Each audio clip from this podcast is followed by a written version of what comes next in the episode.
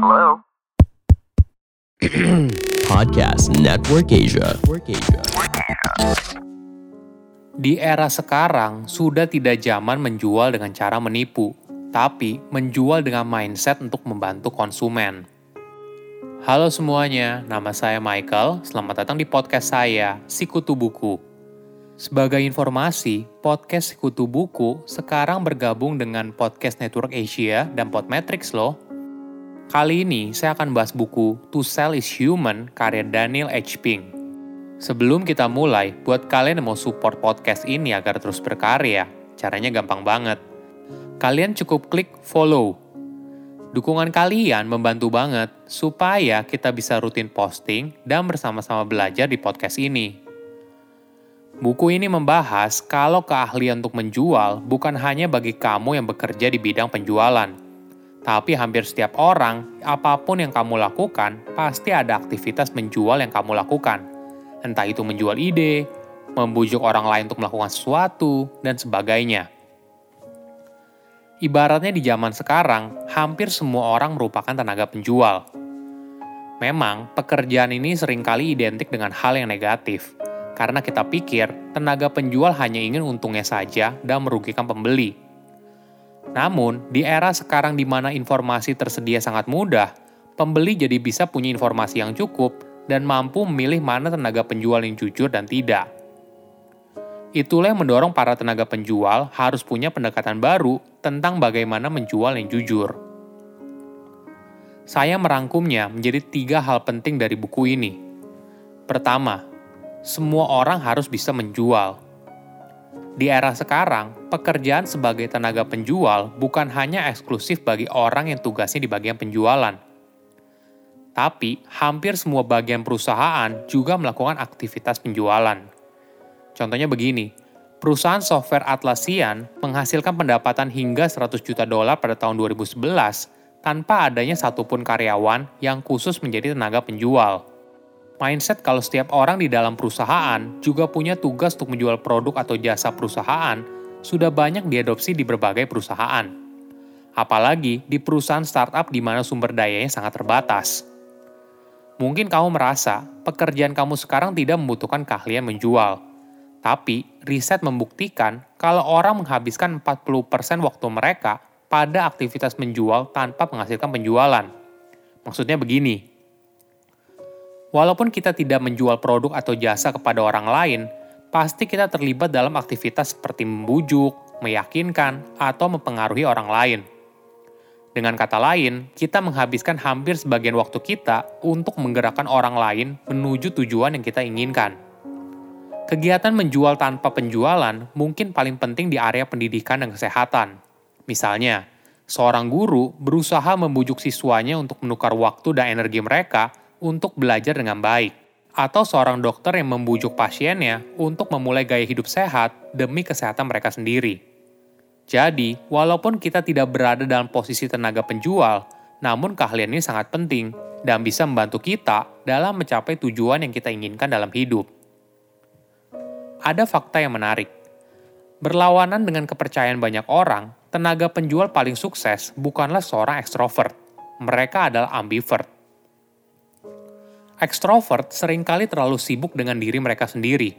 Mereka terlalu banyak bicara dan terlalu sedikit mendengarkan Sedangkan seorang introvert terlalu malu untuk memulai percakapan dan terlalu tidak enak hati untuk menghentikan percakapan. Keahlian menjual membutuhkan keseimbangan antara introvert dan ekstrovert. Jika kamu adalah seorang ekstrovert, cobalah untuk membuat lebih sedikit pernyataan dan ajukan lebih banyak pertanyaan. Kurangi bicara dan perbanyak mendengar. Jika kamu seorang introvert, berlatih pertanyaan kamu kepada calon pembeli terlebih dahulu buatlah diri kamu untuk tersenyum dan duduk tegak ketika bertemu dengan calon pembeli. Kedua, cara baru dalam menjual. Daniel memberikan rumus baru dalam menjual, yaitu ABC, attunement, buoyancy, dan clarity. Kita akan bahas satu persatu ya. Attunement adalah kemampuan kita untuk melihat segala sesuatu dari sudut pandang orang lain dan bergerak dari sana. Ini merupakan poin penting apabila kita ingin menggerakkan orang lain. Namun, attunement itu berbeda dengan empathy. Jika empati adalah soal memahami apa yang orang lain rasakan, tapi attunement adalah soal memahami apa yang orang lain pikirkan. Tentu saja empati itu penting, namun riset menunjukkan ketika kita ingin mengarahkan seseorang berbicara dari perspektif kognitif ternyata lebih penting. Kedua adalah buoyancy. Ini adalah kemampuan untuk tidak putus asa walaupun mengalami penolakan berkali-kali. Bagaimana caranya agar kita bisa terus semangat walaupun sering kali ditolak? Mungkin banyak orang menyarankan untuk melakukan motivasi diri sendiri.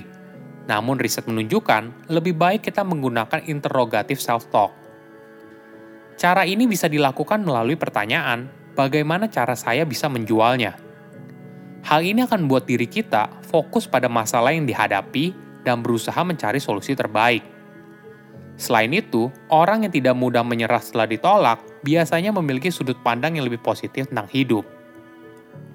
Hal ini penting karena ketika kamu berpikir positif, kamu punya sudut pandang yang lebih luas dan melihat masalah yang dihadapi oleh konsumen dengan lebih baik. Hasilnya, kamu bisa menawarkan solusi alternatif ketika solusi yang kamu tawarkan ditolak. Ketiga adalah clarity, ini adalah kemampuan untuk membantu seseorang melihat situasi dari sudut pandang yang baru. Ada perspektif yang menarik. Ketika menyelesaikan sebuah masalah, kita jangan terlalu fokus pada solusinya apa. Tapi yang jauh lebih penting, apakah kita sudah menemukan masalah yang tepat atau belum? Ini jauh lebih penting sebelum kita mencari solusinya apa. Karena masalah yang berbeda tentu saja butuh solusi yang berbeda. Cara mencari masalah yang tepat yaitu dengan bertanya kepada konsumen dan berusaha menemukan apa masalah utama yang mereka hadapi. Ketika sebuah masalah sudah ditemukan dengan baik, maka solusi yang kamu tawarkan akan jauh lebih mudah diterima oleh calon konsumen. Ketiga, menjual kepada manusia. Di era sekarang, di mana informasi yang tersedia sangat banyak, maka kalimat persuasif untuk penjualan harus semakin singkat.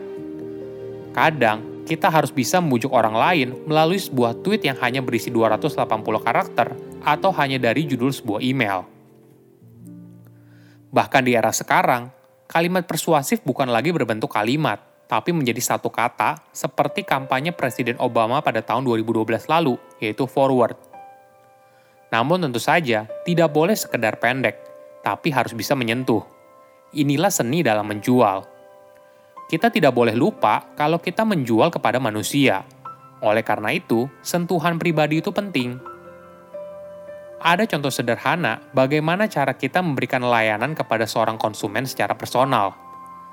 Pemilik restoran yang menaruh foto dan nomor teleponnya di dinding dan mendorong konsumen untuk menghubunginya apabila ada keluhan, membuat konsumen merasa dilayani secara pribadi. Dan hal ini akan membuat mereka kembali lagi ke restoran tersebut. Ada sebuah riset yang menunjukkan kalau seorang radiolog memberikan hasil yang lebih baik ketika hasil X-ray pasien disandingkan dengan foto pasien tersebut. Melihat wajah manusia mengingatkan para radiolog tentang pasien yang sedang mereka tangani. Hasilnya, pelayanan yang diberikan menjadi lebih baik. Ingat, kita bisa menggerakkan orang lain berasal dari dorongan untuk membantu orang itu secara pribadi Dorongan inilah yang kemudian dirasakan oleh orang tersebut, sehingga mereka bergerak sesuai dengan tujuan yang kita inginkan. Setiap orang butuh keahlian menjual. Walaupun kamu bukan tenaga penjual, tapi kamu perlu membujuk dan pengaruhi orang lain menuju tujuan yang kamu inginkan. Saya undur diri, jangan lupa follow podcast Sikutu Buku. Bye-bye. Pandangan dan opini yang disampaikan oleh kreator podcast, host, dan tamu tidak mencerminkan kebijakan resmi dan bagian dari podcast Network Asia. Setiap konten yang disampaikan mereka di dalam podcast adalah opini mereka sendiri dan tidak bermaksud untuk merugikan agama, grup etnik, perkumpulan, organisasi, perusahaan, perorangan, atau siapa pun dan apa pun.